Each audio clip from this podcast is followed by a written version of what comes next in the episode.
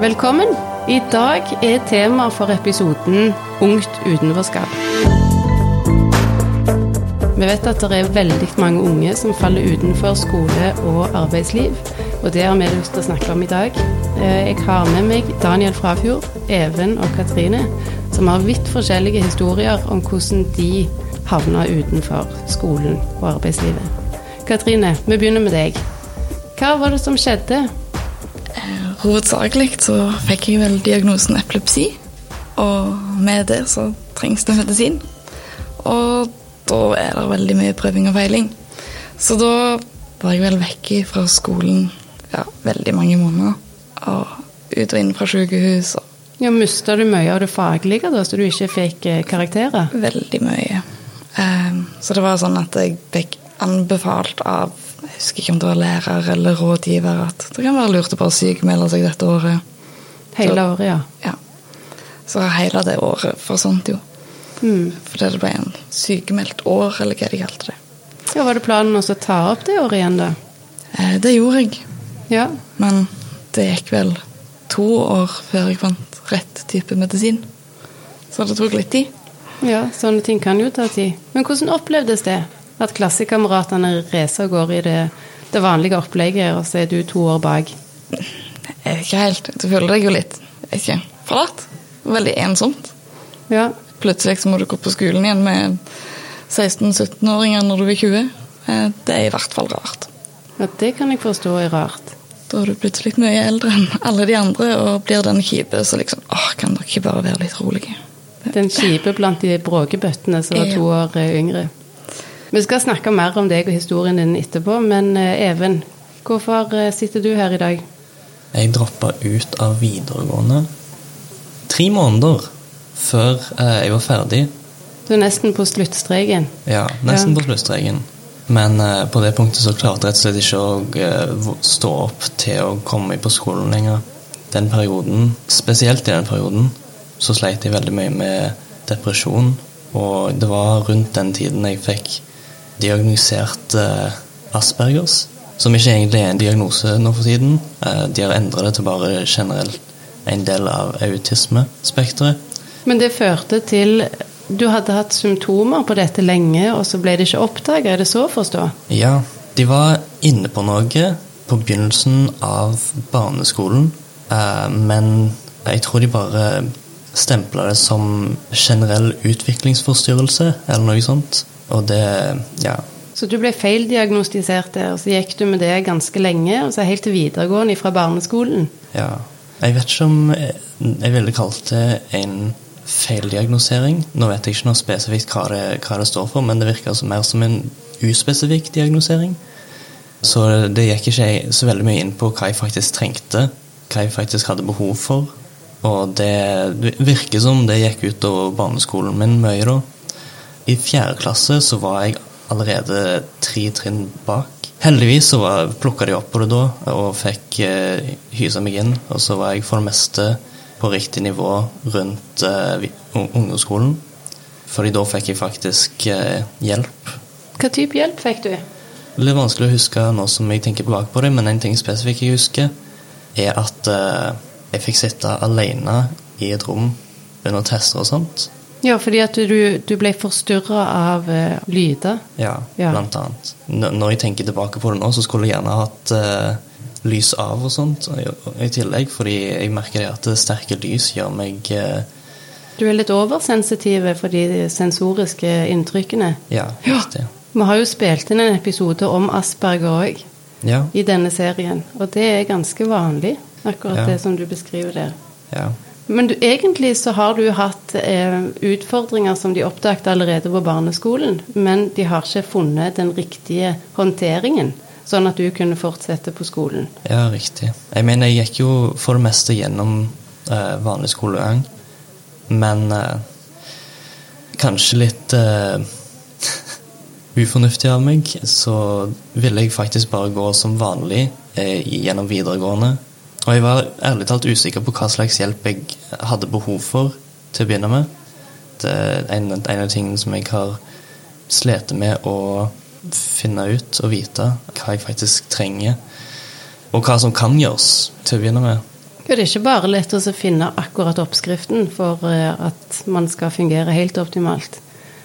Nei. Det ser jeg. Men eh, Daniel, Ja. du sitter her av en annen grunn. Igjen. Ja, det begynte vel egentlig fra videregående av, og det har egentlig vært i et par år. Da begynte de eh, andre året på videregående. Faglig så gjorde jeg det jo ganske greit, utenom matematikken.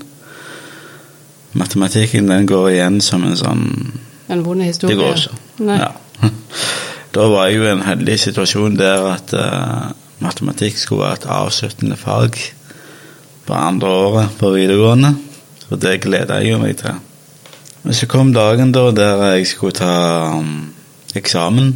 Jeg husker den dagen da var magen helt ødelagt. Det var å komme på skolen og bare sitte og vente på at uh, eksamen ble annonsert. Og der sto jeg på matteeksamen. Det verst tenkelige for deg. Ja. Det er ingenting som kunne vært verre. Hva skjedde så? Da skulle du opp i matte, da?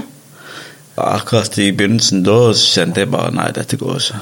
Men så tente jeg et lite håp i, um, om at eh, vi hadde i bunn og grunn en lærer som var villig til å hjelpe, men ikke helt visste hvordan.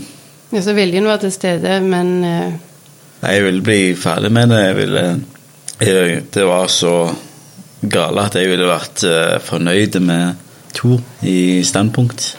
du skulle bare stå. Jeg skulle bare stå. Hva skjedde? Sto du? Nei.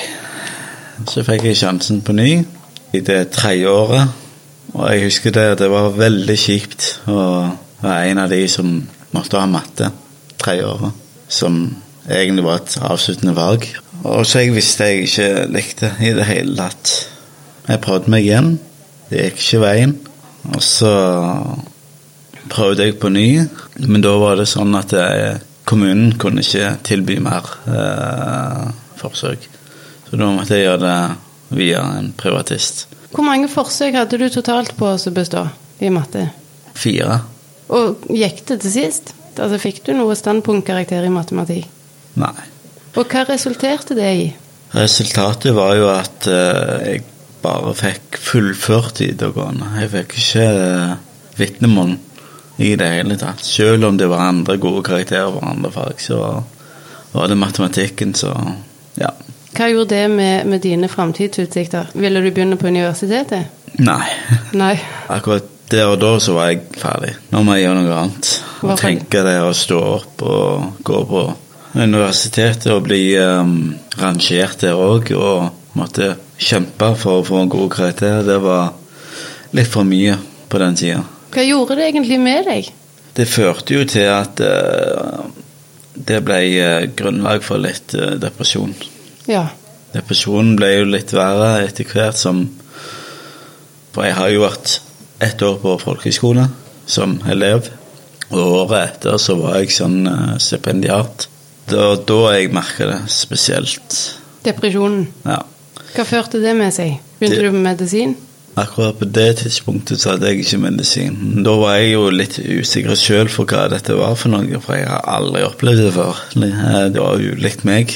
Um, og så kom jeg hjem igjen, da. Begynte på Noroff. Um, men akkurat det og da kjente jeg jo at dette blir ikke noe bedre. Det bare fortsatte. Gravde seg dypere og dypere.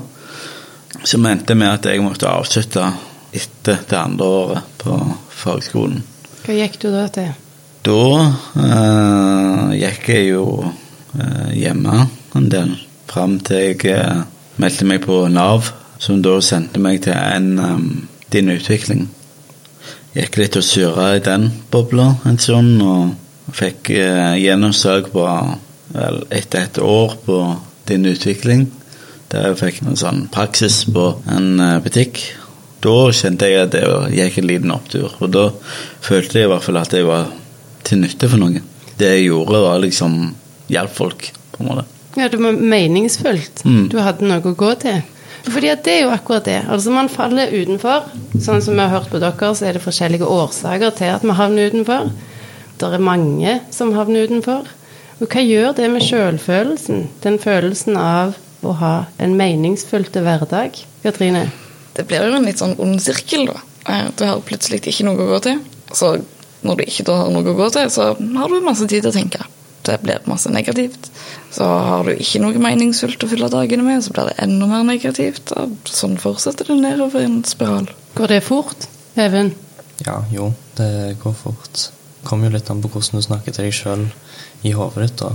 Men eh, når du er ute av det, sånn som det er, når du er ute av skolen for hva en grunn det er, og ligger bak sånn som det er, så er det vanskelig å ikke være hard mot seg sjøl og klandre seg sjøl for at du ikke er like god som alle andre. Eller det du tenker på som like god som alle andre, fordi du er bak. For jeg har snakket med ganske mange som har havna utenfor, sånn som dere beskriver, av igjen helt forskjellige årsaker. Eh, Og mange sier at de er redde for å gå ut etter hvert. De er redde for å gå ut og treffe gamle skolekamerater som har kommet veldig langt, for å gjøre det tydelig at de er langt foran. Og når man da ikke har noe å gå til, har negativ dialog med seg sjøl, føler lite mening i hverdagen, så kan det være utrolig tøft. Fordi det handler ikke om ressurser, det handler ofte om at man har vært uheldige, og at dette agendatoget av et samfunn går fryktelig fort. Og det er kjempevanskelig å posisjonere seg sånn at du kommer på igjen. For er det en erfaring dere har med at det er en typiske firkant som alle skal passe inn i? Ja. Og hvis du ikke passer inn i den, så havner du fort utenfor. Er det noe dere har reflektert rundt? Absolutt. Ja, jeg merker i hvert fall det at um, per dags dato så er det mer prestisje å kunne vært på universitetet, ha en skikkelig utdanning, ha, ha en jobb eh, innen f.eks. oljeproduksjon. Ja, sånne yrker som danner til seg prestisje. Hvis dere hadde valgt, eller kunne valgt, eller hadde beslutningsmyndighet nok til å så lage deres egne redninger, kan du si, eller tilrettelegginger, hvordan hadde det sett ut da, Even? Altså, du hadde jo sånn sett kartlagt at du trengte noe ekstra bistand fra barneskolen av. Ja. Men diagnosen var ikke helt, altså den var veldig diffus. Hvordan skulle skolevesenet ha hjulpet deg sånn at du ikke ble deprimert helt på slutten av videregående skole og dropp- droppet ut? Vel, jeg tror én ting som hadde hjulpet meg, er eh, hvis jeg bare hadde fått ta ett fag om gangen. Fordi eh, jeg merker det at hvis, med en gang jeg blir nødt til å fokusere på mange forskjellige ting samtidig, så det blir veldig overveldende, og så klarer jeg ikke å fokusere på noe av det, og så bare faller alt fra hverandre. Men eh, jeg tror det at hvis jeg faktisk hadde fått tid til å fokusere på ett og ett fag, så hadde jeg klart meg mye bedre, og da hadde jeg vært mye mer motivert til å fortsette. Altså, den depresjonen som du havna i, handla det om at du ikke opplevde mestring i forbindelse med skolen? Ja, det var en stor del av det, men eh, eh, det var òg blanda med at eh, jeg hadde ingen i klassen som jeg egentlig hadde noe særlig forhold til. Jeg hadde ikke akkurat noen, noen som jeg mislikte noe spesifikt, eh, men jeg hadde ikke noen som jeg likte heller, og det virka som de hadde sånn omtrent samme forhold til meg. Det er godt mulig at de var litt irriterte på meg, eh, fordi jeg, jeg spurte ofte mange spørsmål gikk i timen. Sånne spørsmål som de ikke gidder å høre svarene på? Ja, riktig. ja. Eh, Jeg var den kiden i klassen. Så det var litt sosiale utfordringer, og det var litt faglige utfordringer, og så omstendighetene, eller måten skolen er lagt opp på. Ja. At du har en timeplan, og du har mange fag hver dag som du er innom. Ja, ikke bare det, men eh, hva tid av døgnet timeplanen er på òg. Den delen tror jeg ikke er like lett å endre på, fordi da må du jo endre hele hverdagen til alle som er involvert osv. Jeg tror det at hvis jeg hadde hatt en mer time på morgenen til å komme meg ut av sengen og komme meg ut, så tror jeg jeg hadde klart å holde mer orden på søvnen. For det, det var òg en stor ting som jeg sleit med i videregående. Mm. Spesielt i videregående, men jeg har slitt med det hele livet. Det å holde døgnrytmen på plass. Ja, riktig. Så flere gode forslag egentlig til hvordan man kan tilrettelegge. Men hva tid var det du droppet ut av videregående skole? Hvor mange år siden? Det var Skal vi se Det er 2021 nå. Jeg tror Mm. det var i 2019. Enten 19 eller 18. Så ikke så fryktelig mange år siden. Nei. Men hva er planen din videre, da? Det er vel egentlig å fullføre vitnemålet og få fullført videregående. Ja. Foreløpig, iallfall. Fordi tingen er at eh, for en eller annen grunn så bestemte noen av lærerne mine seg for å gi meg karakter, selv om jeg droppa ut. Å ja. Så du skal ikke ta igjen alle fagene? Nei, det er norskfagene og biologi som jeg må ta igjen. Hva gjør du for å få det til nå? Altså, Hvordan jobber du deg opp mot å få fullført videregående? Ja, det er jo en av de tingene jeg sliter med for øyeblikket. Jeg har ikke fått starta den prosessen ennå. Og det er litt problematisk, fordi eh, en viktig del av planen eh, er å søke om utvida ungdomsrett, og den går bare til jeg er 22. I morgen så fyller jeg 21. Så ja, det har jeg litt behov for å få gang i. Det forstår jeg veldig godt. Da føler du gjerne på, på tidspress òg. Ja. Nå har jeg nå hørt at det går an å gjøre, gjøre det på andre måter òg, men eh, det er nå der jeg er foreløpig. Mm. Får du hjelp til å komme, komme der du vil? Kanskje ikke så mye som jeg burde få. Um, Hva trenger du? Vel, jeg sliter med å komme i gang med ting når jeg er på egen hånd. Det gjelder jo da òg å ta kontakt med folk som kan hjelpe meg med dette andre greiene. Mm.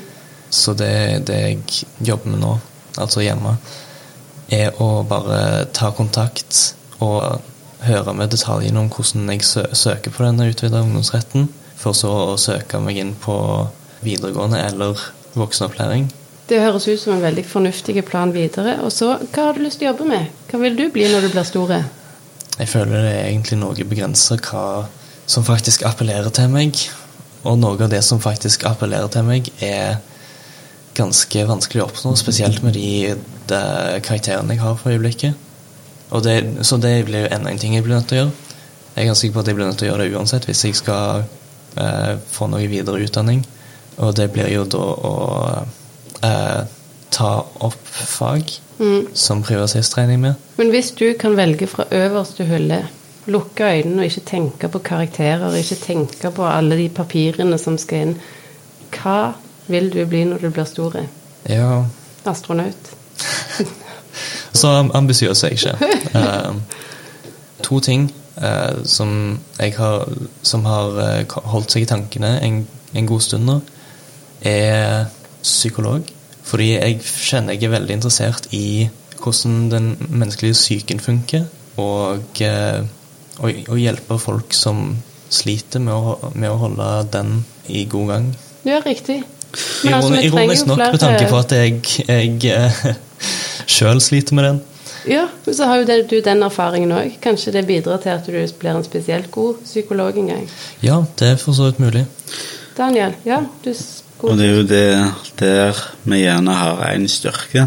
Og Hvorfor vi kan se de som trenger hjelp med enkelte ting som folk flest ikke eh, legger merke til. Dere er observante på de som trenger litt ekstra. Ja, Ja, fordi du jobber jo nå i SFO. stemmer det? Er det kjekt arbeid? Ja. Ja. Det blir uh, travle dager, men uh, samtidig så har du jo muligheten til å forme liv. Forme fremtid til det bedre, forhåpentligvis. Har du dratt nytte av dine erfaringer i livet når du nå står i, i SFO? Ja, definitivt. Det har litt med um, både um, de sykdommene jeg har, og hørselstapet som jeg har, som gjerne òg eh, at, at jeg på en måte ser enkelteleven for den det er, og ikke bare sykdom og ja, sykdomsbildet deres. Du ser ikke bare begrensningene. Nei. Nei. Det opplever du at du har blitt møtt på den måten? Nei, ikke gjennom skolen, men gjerne i arbeidslivet. Ja. For mange ganger når jeg har søkt jobber, så sliter jeg litt med å sette opp at jeg er tunghørt. Jeg sliter litt med å høre folk.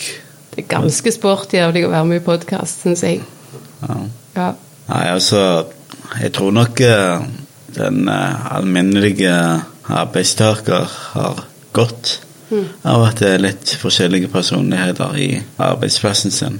Sånn at ikke alt blir A4, og alt blir på en måte Vi trenger plass til trekantene og, og rundingene òg. Ja. Mm. Det er jo det vi prøver å få til med denne podkastserien. At man skal få en forståelse for at det ikke er alle som passer inn i den der firkanta formen. Og det er ingenting negativt med det. Vi har forskjellige styrker, og vi har forskjellige svakheter og tilretteleggingsbehov. Men alle kan gjøre noe. Hvis motivasjonen er der, så kan alle bidra med noe og ha en verdi i det større fellesskapet. Katrine, hva er din eh, vei videre? Prøve å starte å jobbe igjen. Ja. Eh, Sist gang jeg prøvde, så De klarte vel aldri å finne helt ut av hva det var. Men eh, de har vel sagt at det var stress som gjorde det, men da endte det opp med at jeg eh, besvimte ned ei trapp og knakk ryggen. Så vi prøver igjen og satser på at det går bedre denne gang. Vi får virkelig satse på at det ikke skjer igjen. Ja. Jeg har ikke trapp hjemme denne gang, så det kan jo være det hjelper litt. Det, da slipper du i hvert fall den. Ja. Ja. Når var dette? Tre år siden. Sommeren for tre år siden. Ja. Ja. Og hvor jobbet du da? Hotell i Stavanger Ja. som resepsjonist. Har du troen på at dette vil gå bra? Jeg kan jo ikke gjøre annet enn å ikke ha troen. Det hadde jo vært litt teit. Da hadde det jo ikke funka i det hele. Så bra. Det er jo godt å høre. Even, har du troen på at dette vil gå bra? Jeg kjenner litt på tvilen, så skal jeg, må jeg egentlig si. Men uh, det er bare én vei, vei å gå, og det er framover. Vi gjør så godt man kan. Ja. Det, Ja. det er nesten det det må, må bli til. Kan ikke gjøre så veldig mye annet. Nei, Nei, du kan så ikke. Nei det, det er riktig det. Man kan ikke gjøre så mye annet. Daniel, har du funnet drømmejobben? Det er veldig kjekt. Eh, Det skal du være. Men jeg har nok eh, litt andre perspektiver framover nå. Men så håper jeg det at eh, det å jobbe i SFO og skole kan være et springbrett videre. Første steg i trappen. Ja. Og det er jo sånn at eh, jeg har veldig stor tro på det at eh, å kunne være i arbeid, det er viktig.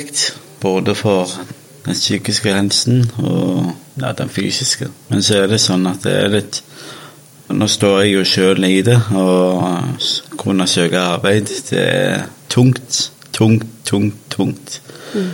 Det vet jeg alt om. Nå har jeg søkt ja, jeg vet ikke hvor mange jobber.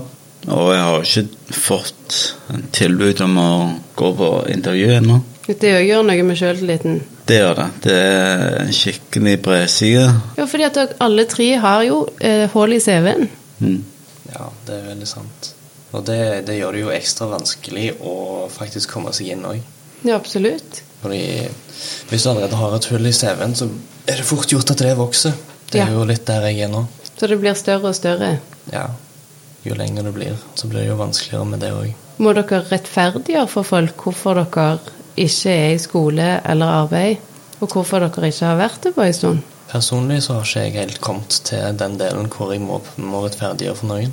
Fordi en av de store tingene som jeg sliter med, er å faktisk søke om jobb, skrive CV og alt det der greiene. Eh, fordi jeg sliter med Ja, det er vel kanskje akkurat det du sier. Jeg sliter med å rettferdiggjøre at noen skal ansette meg overfor noen andre. Ja. Hvilket høres litt latterlig ut, fordi jeg, når jeg sitter her blant folk, så vet jeg jo at jeg har eh, ressurser som folk ville vært verdsatt. Men eh, jeg vet òg at jeg har problemer som òg ville vært eh, uheldig å ha i arbeidsplassen som en arbeidsgiver. Men er ikke det litt det vi snakket om i stad? Denne firkanten versus trikanten. Det er ikke alle som er lagd for å jobbe 100% Det er ikke alle som er lagd for å jobbe 8 til 4.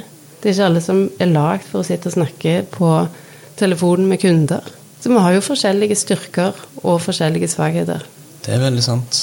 Noe ofte for, meg, for min del så er det litt lett å glemme at uh, de forskjellige forskjellighetene er greie å ha. Altså, det er ok å ha de. Ja, og det syns jeg er veldig viktig at du tar opp. At vi ansetter i hovedsak poteter i 100 stilling med universitetsutdannelse. Og det er ikke alle av oss som er poteter.